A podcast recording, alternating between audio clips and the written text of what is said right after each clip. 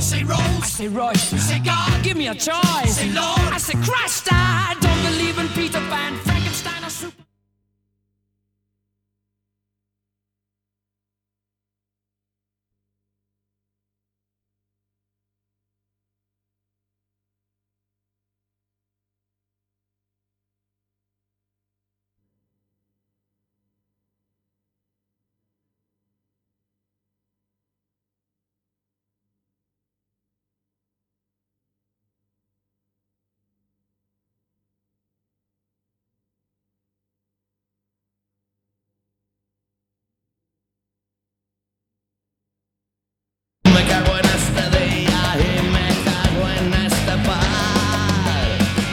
De juláis que esperan la felicidad,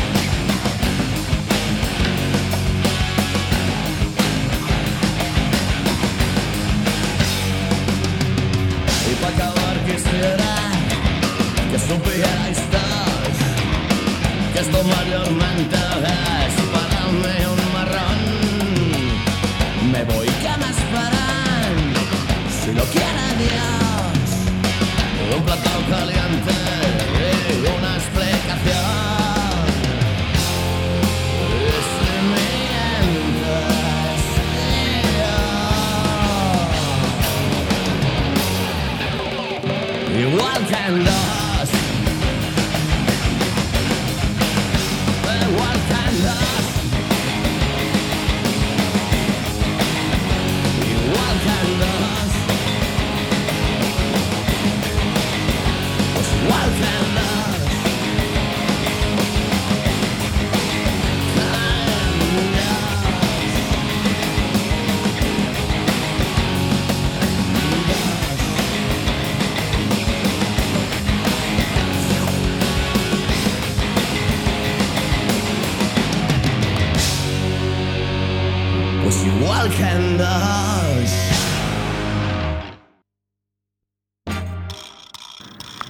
Ola, irmás e irmáns, benvidas e benvidos un martes máis. A Arre Carallo. Menudo día, menuda festa, menuda alegría. No, arre, Estamos arre en... Carallo e os sobes eh? Este, Arre Carallo, no, manda Carallo. Que programa máis maravilloso. Xa sabedes que estamos eh, na Radio Comunitaria da Coruña Que temos moitas ganas de compartir contigo esta hora de radio. E temos a Mala Nova de que os incendios recrudécense en Asturias con 11 lumes activos. Esta é unha nova das 4 e 27 da tarde do diario La Nueva España, que é un dos medios de referencia nesa comunidade. Así que Asturias falamos falamos moito de eleccións, por suposto, porque son importantísimas, pero o sucedido o pasado domingo na Cornisa Cantábrica foi unha cousa increíble. Isalema, boas tardes. Moi boas tardes. Aquí estamos, unha vez máis. Sí. Parece que vivimos aquí últimamente, estivemos onte pola noite, en el desinformativo, se seguimos. Mariano Fernández nos mandos técnicos preparando os botonciños todos. Hai que dicir que a zoupada do principio fon, foi un, fun eu, pero me deixaron, a, como se di en Coaque FM, a mesa minada. Sabes ti. Saudas, non saudas?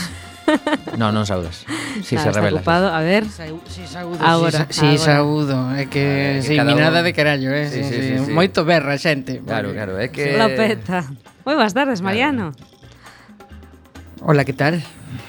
Bueno, eh, temos tamén a Beula Lume por algún lado, sí, pode ser? Pois non, no, sí, traballando, está, está traballando. Bueno, pois pues mandámoslle un bico unha vez máis porque xa sabemos que é complicado completar o equipo alegre, Pero hoxe temos moitos contidos, eh, polo tanto imos aproveitar o tempo mellor posible. Comezamos con unha canción relativa á entrevista da que imos disfrutar nos vindeiros minutos. Eh, son os Queen falando de que mm, ten un amor especial pola súa bicicleta. E diredes vos, por que? Por que esta canción? Pois ímolo descubrir nuns minutos. Bicycle, bicycle, bicycle I want to ride my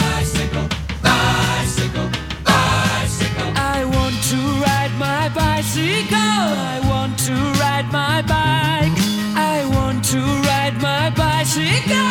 I want to ride it where I like. You say black, I say white. You say bar, I say bite. You say shark, I say him. And Jaws was never my scene, and I don't like Star Wars. You say Rose, I say Royce. You say God, give me a choice. You Say Lord, I say Christ. I don't believe in Peter Pan, Frankenstein, or Superman.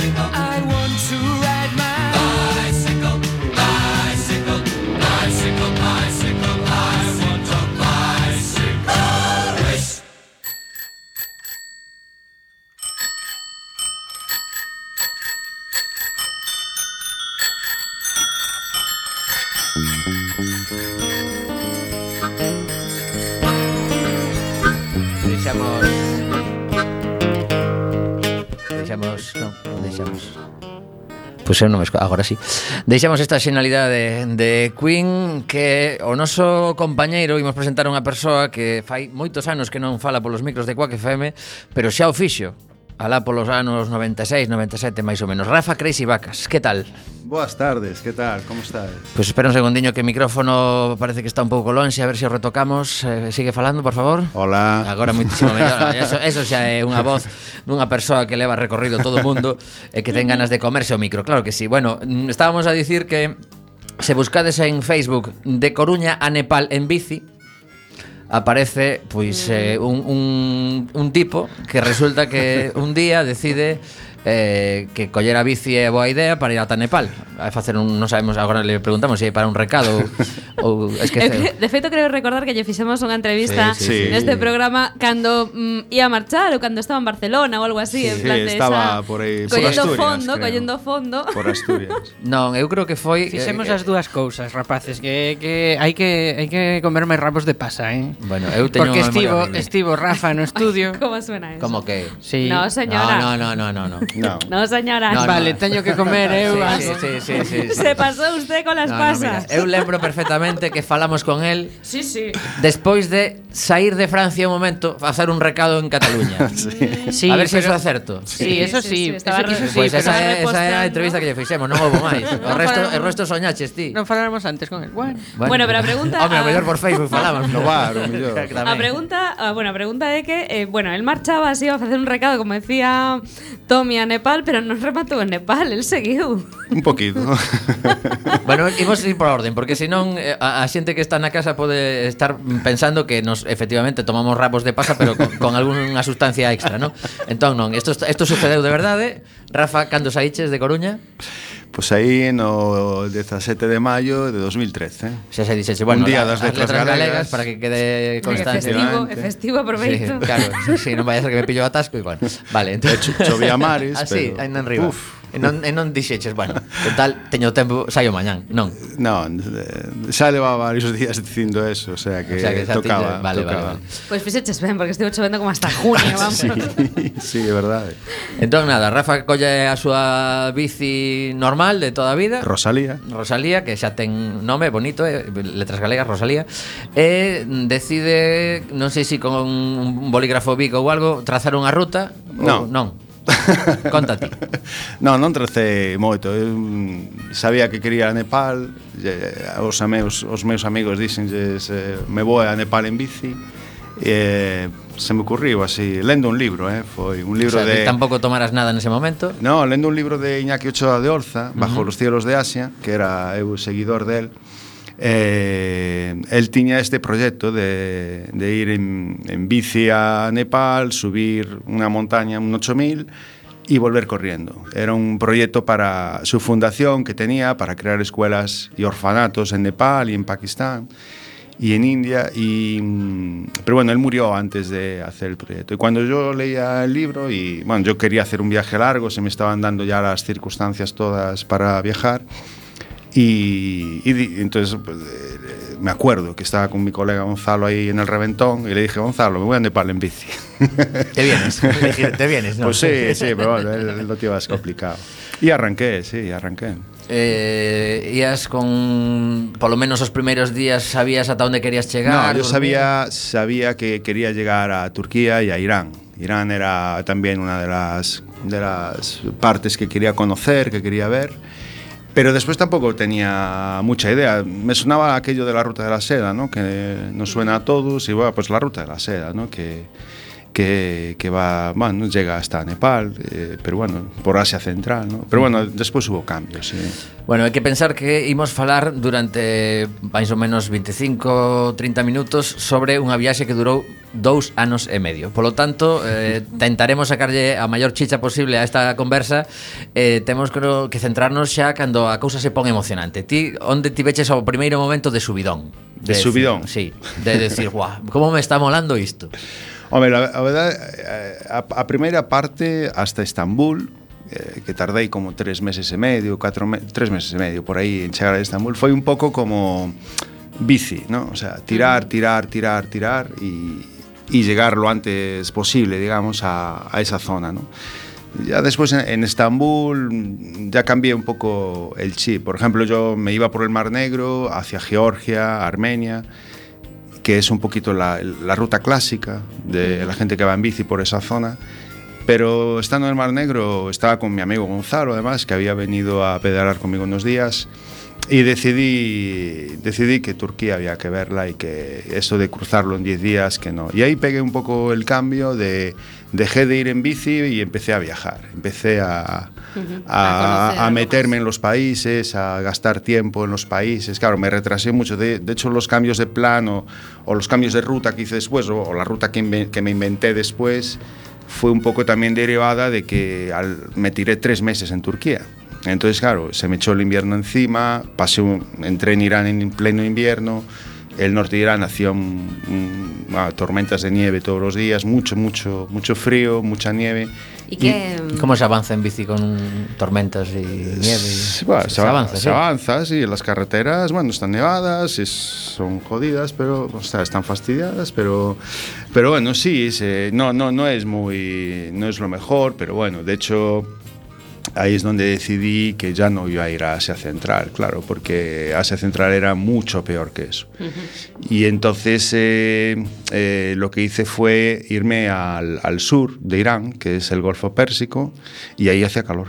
O sea, ahí pasé en un día, yo me acuerdo que estaba en Shiraz, en Irán, con una tormenta de nieve impresionante, pero impresionante, y, y dos días después estaba, estaba ya con calor. y unos pocos días despois ya estaba en el Golfo Pérsico en la playa. Uh. E un viaxe como este un, un segundo, un sí, inciso xeográfico sí, sí, sí, porque sí. claro, dixo, me, me din unha volta por Turquía e tal, e logo, e logo fun a Irán. Sí, Joder, que sitio, amigo, para, para darse voltas en bici. No, Irán... Como estaba asunto, asunto de Turquía a Irán, eh, esa, esa, esa zona? Porque... La zona de Turquía-Irán es la zona kurda. Entonces, Por eso digo, porque se estaría caldeando asunto bastante. Estaba un poquito, aún no, aún no. Yo, por ejemplo, en Turquía conocí a un chico sirio que él pasó a Turquía, estaba esperando por su, por su familia para irse a Dubái a trabajar, se iban a ir a Dubái.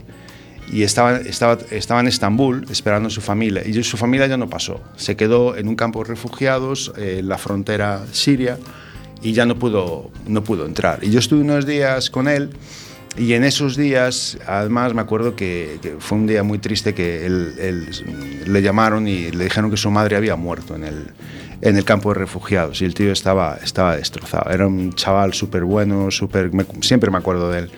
Y le, le murió la madre en campo refugiados. Yo cuando estuve por la zona esa del, del sur de, de Turquía, la zona que cruzas el Éufrates y por ahí, pues toda esta zona ya es zona kurda, Siberg de Diyarbakir. Diyarbakir está saliendo mucho ahora en los periódicos, que es, es lo que se llama la capital del Kurdistán, porque bueno, está habiendo muchas revueltas por ahí. Entonces, si bajas de ahí, Sanliurfa al sur, Mardin, eso ya es casi la frontera con, con Siria y con Irak. Y aún de esa, de es- en esa época aún no estaba la cosa muy, muy mal, no había guerra, o sea, sí que había conflicto, había ya refugiados, gente intentando salir, pero no había guerra.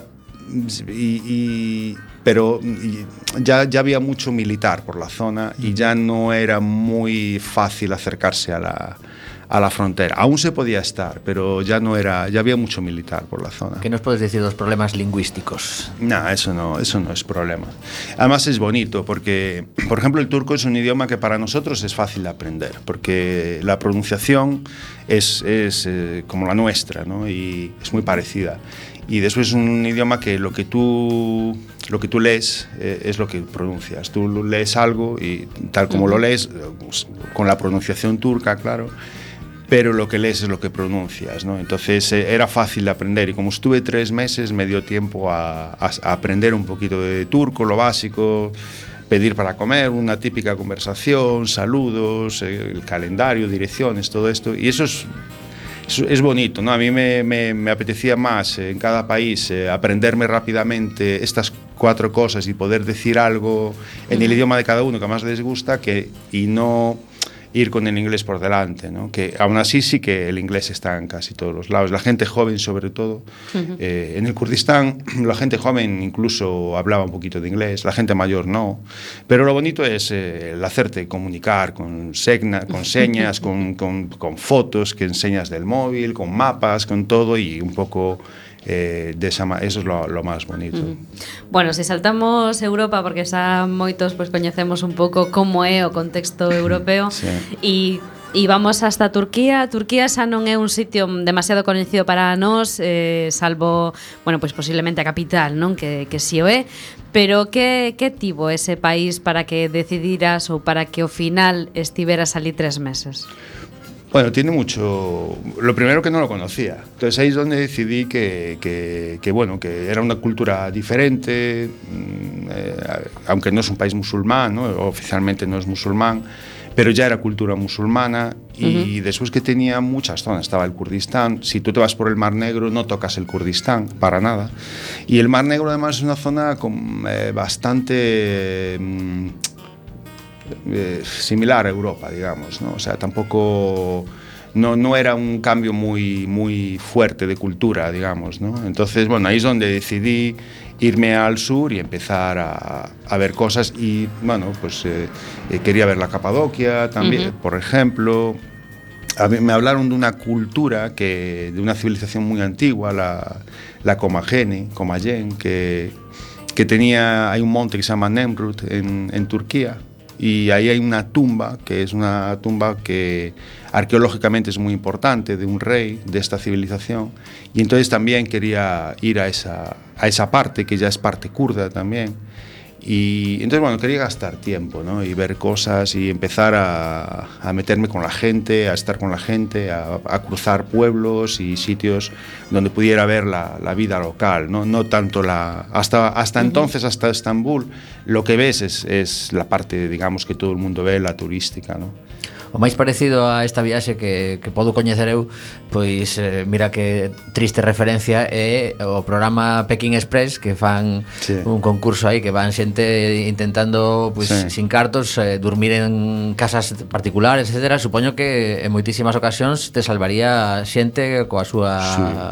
coa súa casa con non sei se si sí, dormías no chan ou como del viaje entero de todo de la, la parte que más me quedo lo que yo me, vamos siempre me quedaré con, el- con la hospitalidad de la gente. La hospitalidad de la gente ha sido impresionante, o sea, como, sobre todo la musulmana, ¿eh? los musulmanes es un pueblo muy, muy hospitalario.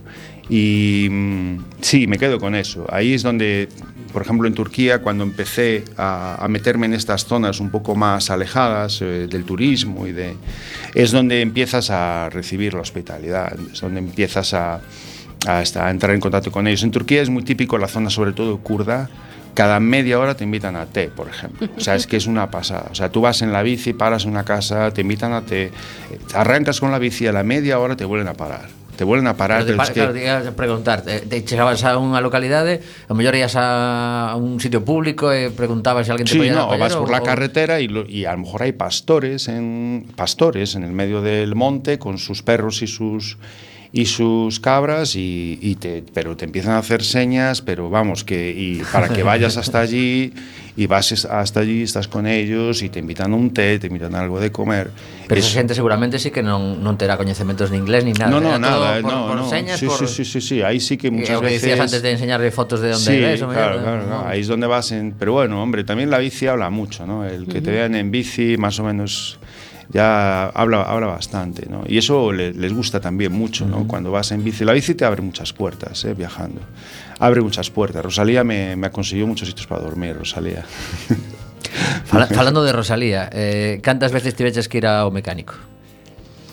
Unas cuantas, pero menos de las eh, que, que- de las esperadas. ¿eh? Que, Una- que é unas importante para manter unha bici durante tanto tempo? O aceite para as cadeas? O No, yo soy un desastre. Vale. o sea que ela, ela, ela sufría moitísimo, non? Sufrió mucho conmigo. Porque yo no, yo no soy ciclista. Yo la- el primer día hice Coruña Guitiriz y era la primera vez en mi vida que salía en bici. La primera vez. Además la gente me dijo, entrena, pero hazte un viaje por Galicia antes. Y No, mira, yo me voy en bici, tengo, voy para largo, o sea que tengo tiempo de ir entrenando, de, de irme acostumbrando, si tengo que ir lento voy. Y el primer día hice 55, los de Coruña Guitiriz, y, y vamos, en mi vida había... Y, me- y el primer pinchazo, no sé, creo que me tiré una mañana entera para arreglar el primer, el primer pinchazo. O sea, mi amigo Cándido, unos días antes de salir, me pilló y me dijo, mira, me, enseñó a, a sacar, a sacar la cámara de la rueda, cómo se arreglaba el pinchazo, o sea, unos días antes de, de salir.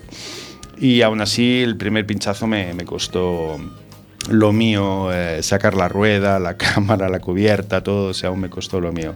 Entonces, eh, y fue todo el camino bastante desastre. La gente que viajó conmigo, otros ciclistas, eh, me echaban broncas. O sea, es que me echaban, pero broncas, pero de, ¿sabes? Porque no hacían, no le hacían nada a la bici, ¿sabes? O sea, estaba la bici... Que decías, esto é unha BH, esto, esto tira de vasca, coño. Estaba la bici chirriando y chirriando y chirriando y me decía, pero échale aceite de una vez, o sea, pero échaselo ya, se lo echo yo si quieres. Y yo, que no, hombre, que no se me acostumbre mal, no, que- no quiero que se me acostumbre mal, déjala que aún, aún le queda un poquito y tal. Entonces, no, de bici, bueno, lo que eh, está bien llevar unos conocimientos mínimos de bici, tampoco gran cosa. ¿eh? Bueno, realmente... Lo más así, lo más eh, complicado son los radios. Cuando se te rompen los radios en la rueda trasera, sobre todo, y sobre todo cuando es del lado de la piñonada, ¿no? De, de donde van todos los piñones. Claro, para sacar todo, para, saca- para arreglar el radio tienes que sacar todo eso, tienes que desmontar todo eso. ¿no? Entonces esa es la parte más complicada, ¿no? El desmontarlo, volverlo a montar. Pero sempre o fixeches ti ou buscabas algún ¿qué taller por aí? No, Vale, yo, vale, vamos, vale, yo ya he llegado a estar con seis radios rotos y los arreglaba de manera, en vez, eh, cuando me rompían, en vez de quitarlos, los retorcía con otros, haciendo un poquito de presión y al final iba hecho un Cristo la rueda con, con- con todos los radios retorcidos. Pero seguía, seguía, ¿no? Y después lo que sí que puedes hacer, y eso sí que es muy útil, es que para, lo importante es que la, que, que la radio, que la, que la rueda esté siempre Alineada. alineada, que esté siempre recta, por eso no es, es un Cristo y ahí sí que ya cuando está desalineada te rompe la cadena, te rompe todo. Y entonces sí, con la llave esta que se llama la llave de radios, que es como una especie de tuerca, eh, ir ajustando los radios para que la rueda te, te, te quede siempre alineada. ¿no? Pensando a sospeitar que eses, eses pastores que facían sinais estaban avisados por outros que vivían antes e dicían, jo, vai un rapaz aí cunha bici feito un Cristo, ti si veos pasar, saúda porque é un espectáculo. Bueno, mm, outra pregunta que non se me pode escapar. Momentos perigosos. 30 países, hai que dicir a xente que pasaches sí. por aproximadamente 30 países. Sí, 30 países. Eh, momentos de perigo, momentos de roubos, momentos eh, desagradables. Eh, bueno, yo eh, el tema del miedo me lo preguntaron muchas veces y no, no vas con miedo. Pero eso no es por mí, no es porque sea yo así. Es, es bastante común en la gente que viajamos largo El miedo no está presente, no, no, no estás pendiente del miedo, no estás pendiente de qué me pasará esta noche, tal. No, porque si no te vas. Si, si estás eh, con esa sensación, te, Claro, no te- vuelves a casa, Claro. te vuelves y, y ya está, ¿no? Entonces nunca llevas esa sensación de, de riesgo. El riesgo, aunque el mayor riesgo que pasa, pues mira, eh, lo- los coches. Obviamente, cuando he tenido que ir por carreteras con, con coches, con camiones, con es, es, es un, eh, eh, ese es el riesgo, ¿no? O sea, pasas de todo, quiere decir que vas a lo tuyo y un poco, pues que sea lo que, ¿sabes? Lo que Dios quiera aquí, pero, pero bueno, sí que eh, ahí vas, ese es el mayor riesgo. Es O donde sea, estás de- atracos, atracos... eh, Sí, tal- en- bueno, fui atracado, sí, fui Ajá. atracado en el Kurdistán. En el Kurdistán hay un pequeño problema de aquella, supongo que estará igual ahora, eh, con, lo- con- con la gente joven, ¿no? La gente joven. El Kurdistán eh, es una gente, las familias, es, es- es una población de familia, ¿no? De- son familias de 10 hijos.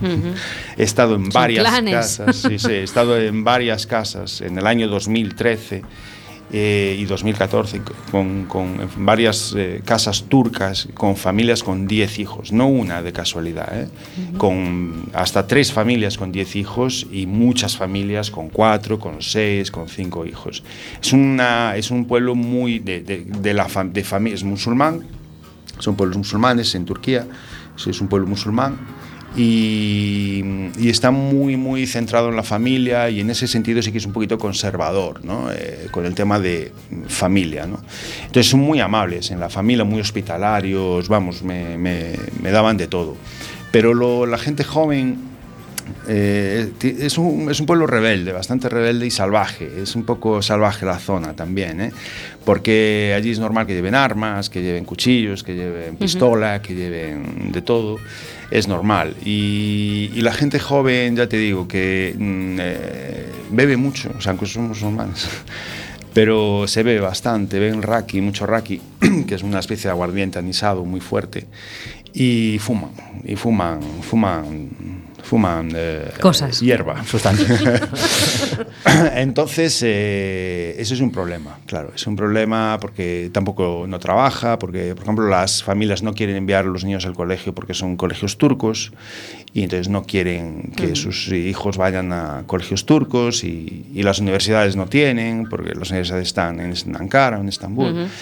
Son entonces tampoco van a la universidad. Entonces esta gente joven que no trabaja, no estudia, y está con, eh, fumando, tal, bebiendo, y claro, hay un problema. Entonces yo crucé el Éufrates, eh, claro, eh, es una zona, eh, mm, eh, cruzas el Éufrates, lleva el camino de, de Diyarbakir, de la capital del Kurdistán, y es una zona muy solitaria. Tú cruzas el Éufrates, se cruzan en ferry, y el ferry hay muy poquitos ferries al día. Entonces cuando el ferry se va, eh, claro, eh, el ferry cruza, te cruza, los coches se van todos y tú te quedas con tu bici en una cuesta de, la hostia, una tremenda cuesta, te quedas con tu bici ahí, bum, bum, bum, pero se queda todo solitario. Y ya no hay más coches porque hasta dentro de tres o cuatro horas que no viene el siguiente ferry, la zona queda aislada y queda totalmente abandonada, no pasa ni un coche, no pasa nada. Esto lo sabían aquí los muchachos estos y entonces, claro, me, persiguieron en moto, yo iba con una chica alemana en bici también,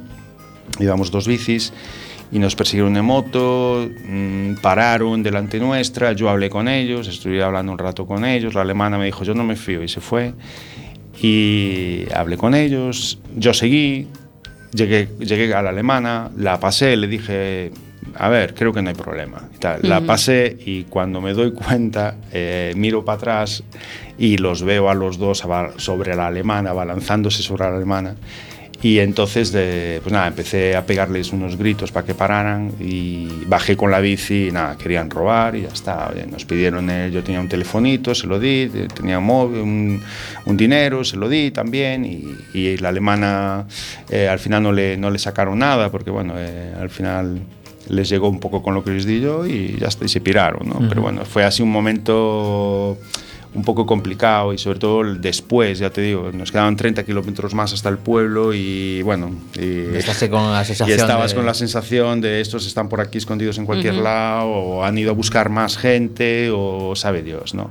Y no había nadie, o sea, hasta llegar al pueblo no había ni un coche, ni un coche. Entonces, bueno, fue, ahí, eh, fue uno de los momentos más, más tensos, ¿no?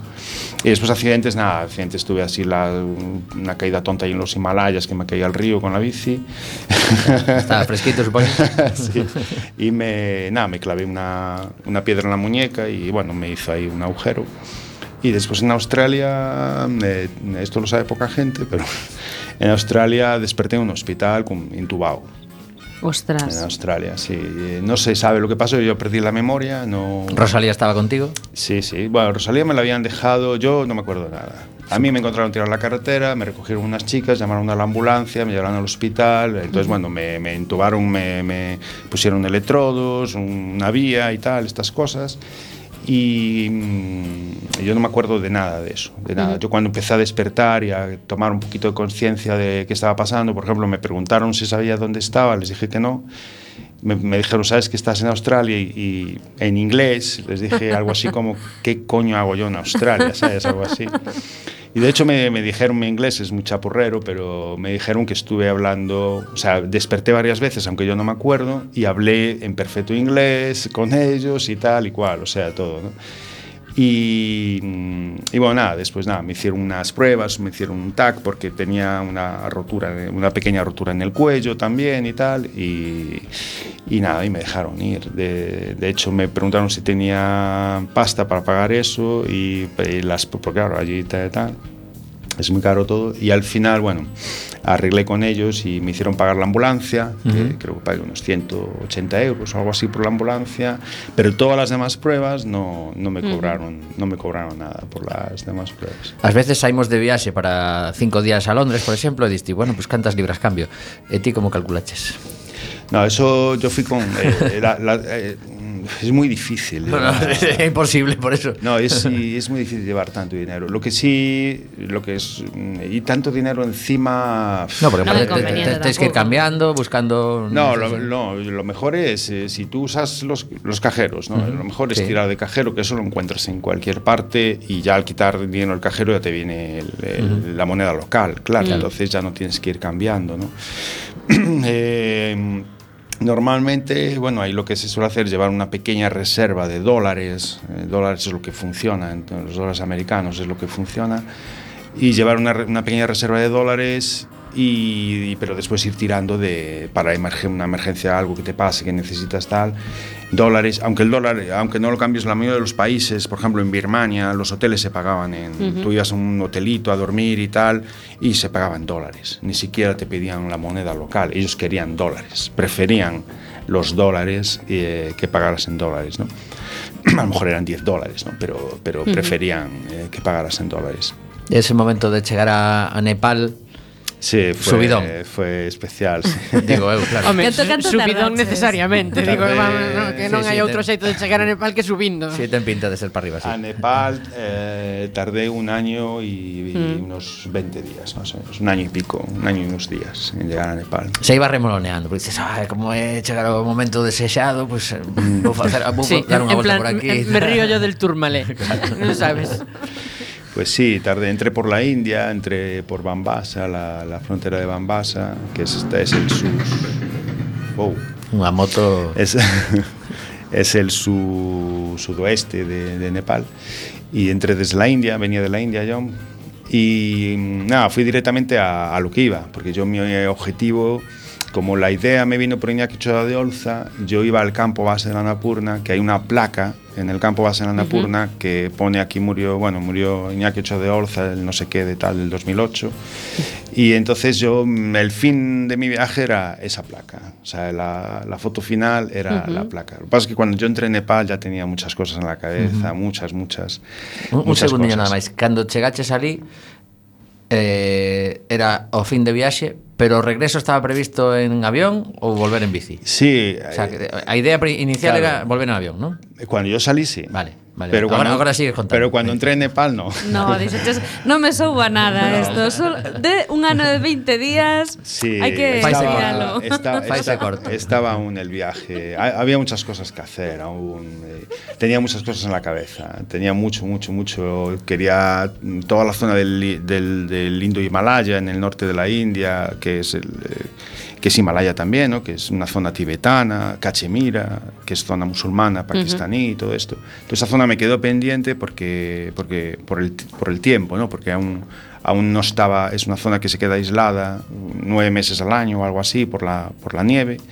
Y entonces aún no estaba abierta. Entonces, claro, yo fui a Nepal y de hecho esperé en Nepal, o sea, hice tiempo en Nepal hasta llegar a... Para, Creo para- que Ma- Mariano Ah. pode pode compartir cos nosos ointes eh, o, o Facebook de... Me están poniendo aquí fotos de, claro, claro, del viaje. Ahora empezar a chorar. Vemos a Rosalía en varias ocasiones. Estamos levabas unha pequena tenda de campaña? Ou... Sí, llevo, sí, llevo tienda de campaña y mira, esos laos... Bueno, es que estamos aquí viendo fotos. Claro, claro, bueno, eso, esto, esto os ointes que entren no, no noso Facebook, Alegría Coaque FM, e eh, que busquen o link que compartiu Mariano agora, e eh, xa bueno, tedes, a, sí. tedes unha parte da experiencia de Rafa en fotos. Evidentemente, nada que ver con esa experiencia espectacular viaxe que tenemos que facer varios episodios disto porque porque dá para, para moito.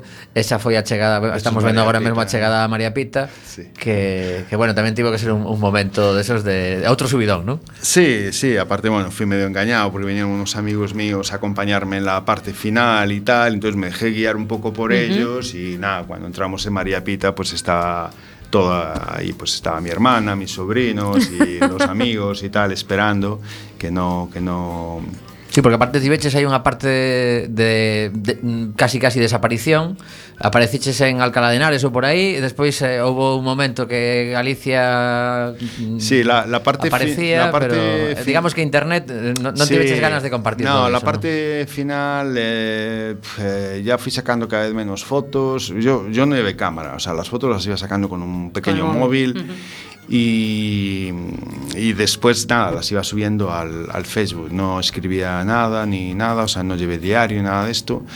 Y entonces esa parte final, la parte europea final, aunque estuvo muy bien, estuvo muy bien, la parte europea final, pero yo después cuando... Claro, porque un momento, claro. Eh, en Australia te despertas nun hospital sin sí. saber exactamente, sabías... Eh, por Bueno, onde de entrar, Nepal, de Nepal foches ao norte Sí, e de- despois claro, de Nepal, a pues pegamos aquí unos saltos de Nepal, espacio-tempo. claro, lo que estábamos es que en Nepal lo que hice fue volver a, a sacarme el visado de la India, volver a la India, pero al norte, solo al norte, ¿no? Eh, porque la... Pero eso dos visados como é? É fácil, chegas ali e dis, dame un visado por un mes.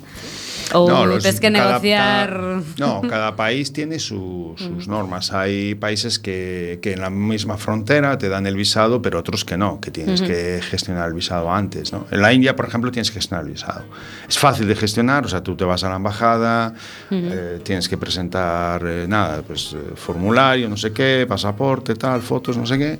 Y tú presentas lo que te manden, pagas y, y ya está, y esperas. Y en el caso de la India, pues yo creo que esperé unos 5 o 6 días en Katmandú, en Nepal, y en cuanto me cogí el visado, rápidamente, ya no en bici, o sea, ya volví para atrás a la zona aquella, eh, pero ya en, cogiendo trenes, ¿no? que fue otra experiencia de, de coger un mogollón de trenes en la India, sin reservar plaza, porque en la India es fácil, eh, como se viaja en la India, pues, hay una zona que es para turistas, ¿no? entonces tú reservas tu plaza con tu asiento, aire acondicionado, pero no, yo, yo me iba al vagón de las películas que van todos de fuera, Ahí es donde entras sin pagar, además sin pagar. Ahí, ahí te subes, te metes como puedas. Ahí haciendo el indio. Y en un vagón que en teoría son 50 plazas, pues mm, se meten 200 personas, o sea, es una barbaridad.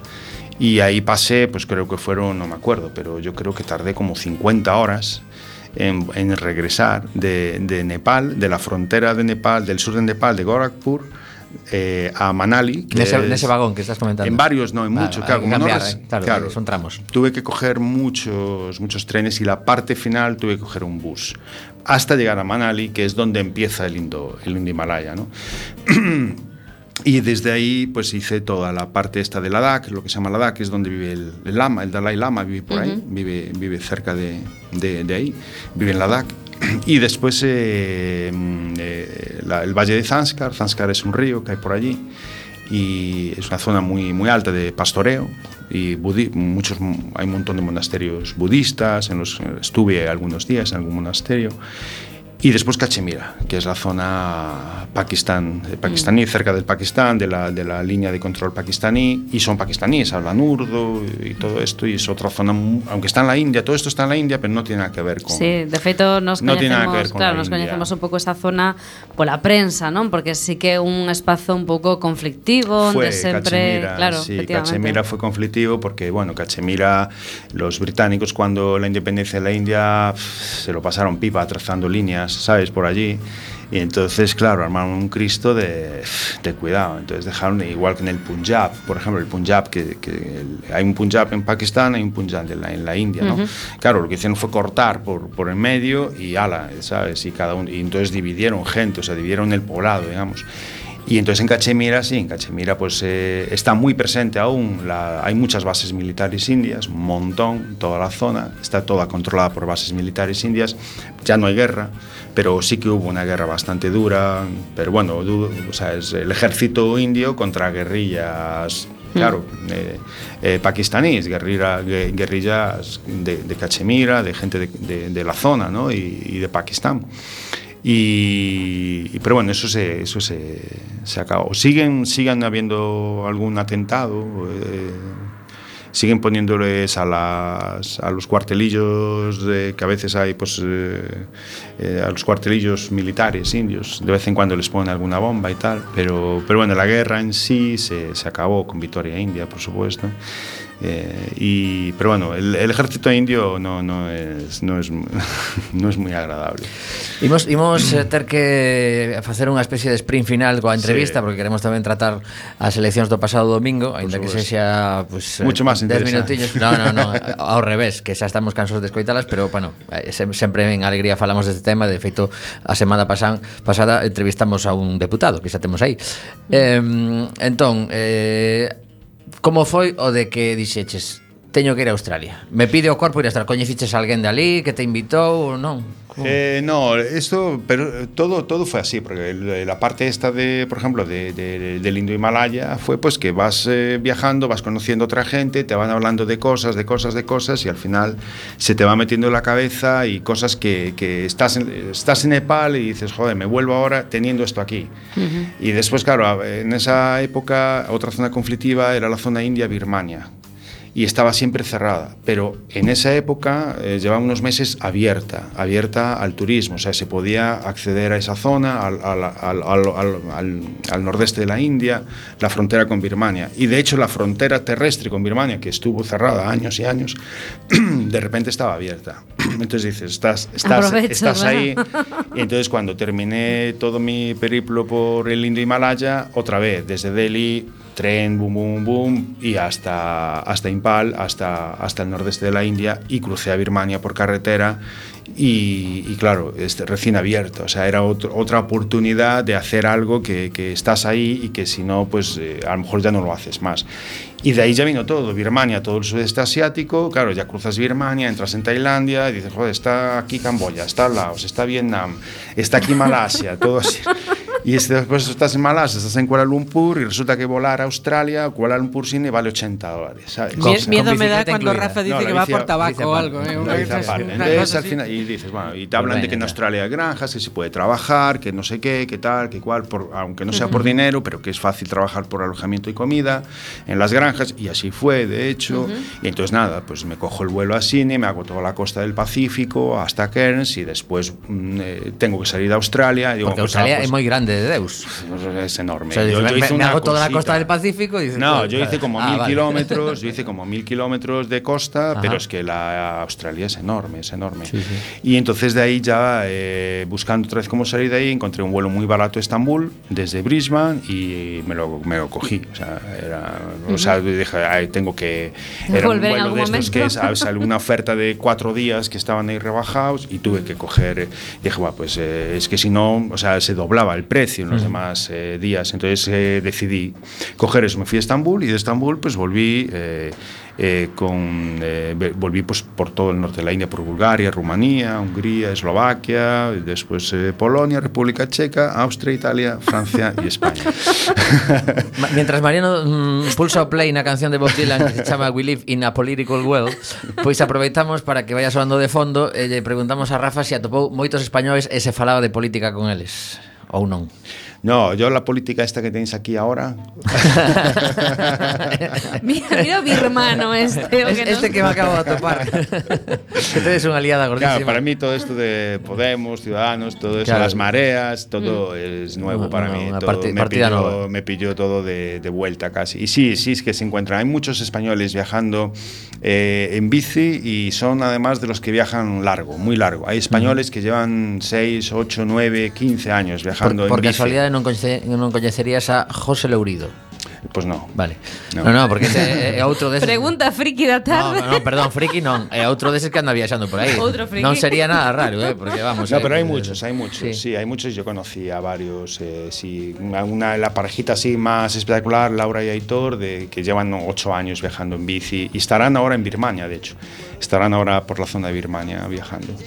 Sí, eh, Non chegaches a botar de menos eh, esto, non falo da política, senón casa, non? Este concepto sí, casa. claro. Yo, yo, yo estaba viajando porque quería conocer el mundo musulmán, quería conocer Nepal, Irán.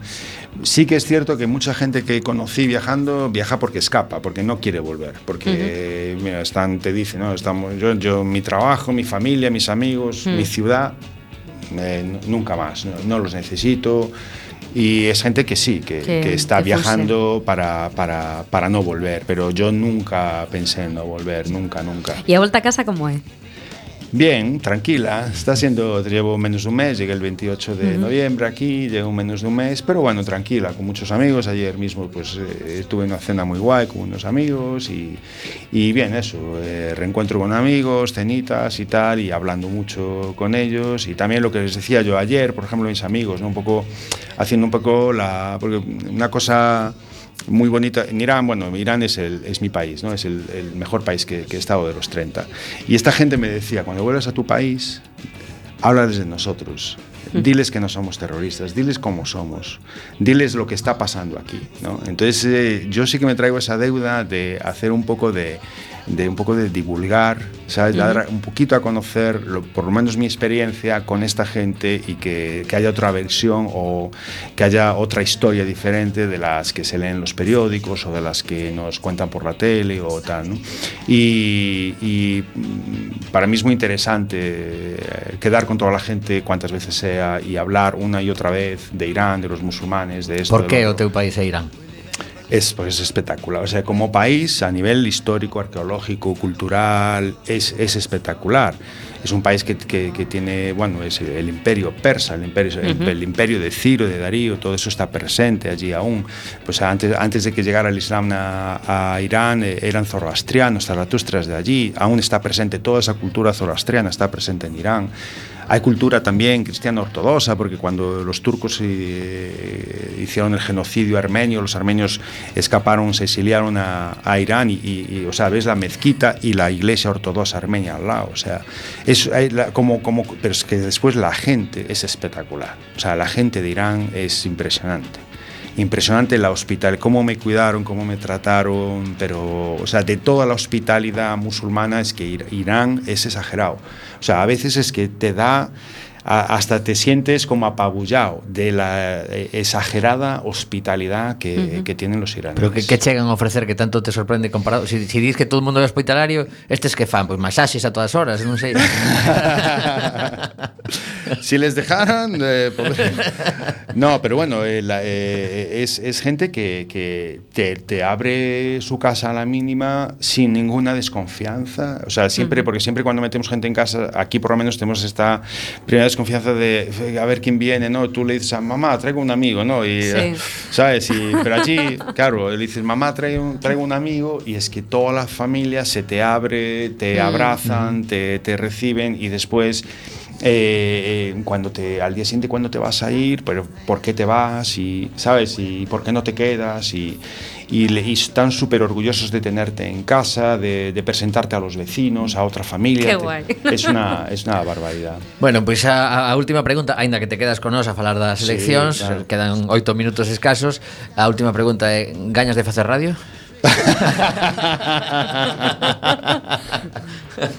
Coa sí, buscan locutores novos, señoras. no, digo, por, por bueno, si te, eh, unha, unha eh. sección, algún programa, ainda que sexa. Además, esta é unha voz radiofónica, Rafa. Sí, bueno, sí, xa, sí. xa sabedes que, que eu teño experiencia na radio, non? Sí, algunha, sí. Por iso. Porque eh, hai 20 anos, cantos anos? Sí, sí, 20, 20. 20 cumplimos en marzo. 20 anos, pues eh, eu era aquí sí, Rafa sí, sí. Crazy Vaca nos controles e tal. Arriba, arriba sí, sí, sí, sí, cuando estábamos allí en, en sí. económicas Ajá. y tal. Sí, sí, sí. Eh, nada, no, yo encantado de, de acompañaros aquí cuando queráis. Bueno, pois imos falar das hai, eleccións. Hai que por sección fixa este rapaz. Sí, sí, sí, sí. Eh, Porque tirando. non dá para nada unha A ver, temos en conta que chegamos a xuño e nos deben de quedar pois eh, 20 tantos programas, non dá ni un programa a cada país. O sea, é unha merda o que lle podemos dar a este rapaz, pero bueno.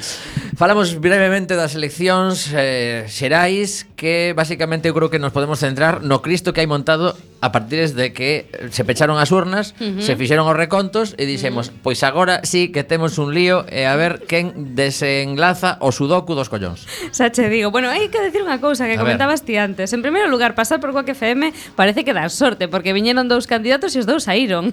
Pois sí, a verdade que sí. Saiu Ricardo, saiu Tone, Home, así que... Tamén eh... hai que eh, dicir que non arriscamos moito, eh? Non no. truxemos, non truxemos ao de Vox. O, o, o número de, un e o número dos. Os de Ciudadanos tampouco ia vir, aínda que o chamáramos. bueno, bueno. Home, podía vir, pero non falaba. Tampouco o sea, que prexulgar, diría que el programa si ya tal, pero No, no, no, eu creo que non, eh. Eu creo pero... que non. bueno, é igual. Entón, eh, lío asegurado para os vindeiros mm. eh, meses. Hai lío non sei, pero o Parlamento A ver, imos ter unha, unha cousa nova que é eh, eh, o Estado, o Reino de España é unha monarquía parlamentaria, non? E eh, imos recuperar o Parlamento que, uh -huh. que estaba desaparecido en combate dende finais dos 70 porque chegaron coa desaparición da UCD chegaron as maiorías absolutas de un ou do outro e realmente eh, mm, bueno, mm, desapareceu o xogo político no Parlamento e agora toca mm, intensidade parlamentaria outra vez. Ou non, porque claro. hai forzas que auguran, bueno, forzas, forzas vivas, incluso opinións moi consideradas da prensa e policotólogos e demais que auguran que dentro de tres meses hai unha volta de eleccións. Sí, bueno, a ver, se o parlamentarismo fracasa nestes tres meses, porque é así, Mm, a ver, o obxectivo dun parlamento é eh, entro, a parte de exercer a función legislativa é acordar eh, xenera, vamos a ser capaces de xenerar un, un goberno estable.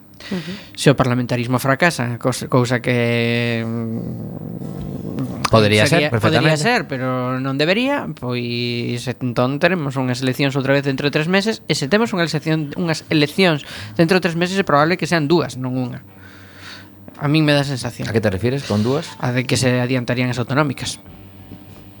É que eh, me é moi probable, de feito, que se adianten as autonómicas ou polo menos que Núñez Feijó no caso de Galicia adiante as autonómicas. Para min sería unha mala Tería nova. moito que gañar. É eh? unha mala mensaxe eh, de cara á ciudadanía e a facer pedagogía política que houvese unhas novas eleccións. Que en canto hai moitas forzas no Parlamento, que non se considere que son de... ingobernable o país, sí e que busquen fórmulas para que pois o mellor se desanimen aqueles partidos que obtiveron representación moi por debaixo mellor da xente que lles foi a votar ou outros partidos que xa polo que dixeron o día das o días previos das eleccións que en caso de que eh, non gañaran eles pois seguramente terían que optar pola abstención e darlle o goberno a forza máis votada e o mellor moita xente di bueno pois total para eso xa lle dou o voto a, ver, a outro. Quero dicir, a min quero dicir que aquí a min como xogo. base como base para empezar a falar dicir dicir o que ten que facer outro eh, hmm. eh, me parece un mal comezo. Eh, o que o que teñen que dicir cada un é eh, eh, o que van facer cada Eles. cada cada partido hmm. e eh, ir falando e eh, ver se se poden chegar eu, a acordos ou non. Hmm. Eu de porra, todos sí. modos, eu de todos modos considero que si isto correra pois hai 12 anos ou hai 8 anos, por exemplo,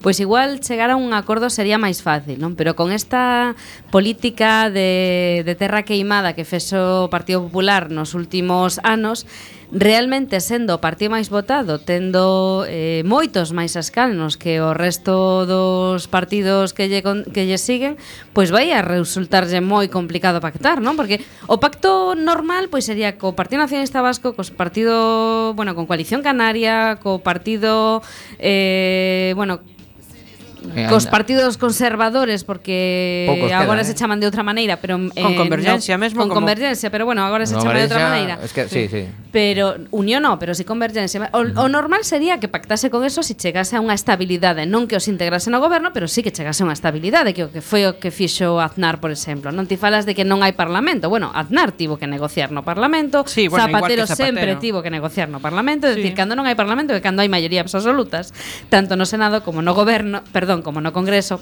Sí, pero de un partido político. Tamén é certo que hubo un parlamento con maiorías de cento e moitísimos deputados. Sí, sí, claro. pero claro. E con dous que... bloques.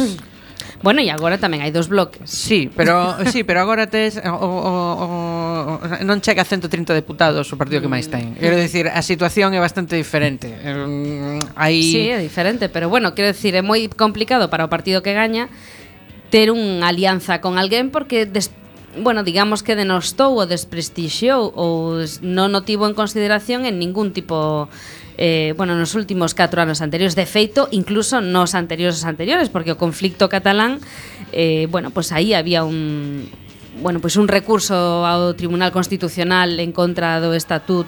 Quedan segundos de programa, se si non me etcétera, equivoco. Etcétera. Nos podes poñer outro reloxo de Quack FM, por favor, aí arriba? Sí, aí está. Eh, dicir está soando, que, está como, soando. Sí, está, está, está, sí, pero non sei cantos segundos quedan. Entón, eh, como dato así bastante espectacular foi o que sucedeu en Cataluña. Uh -huh. Porque en Comú Podem 927.000 votos, 12 diputados. E nos atopamos como cuarta forza política ao que antes era Convergencia e os seus colegas, que son eh,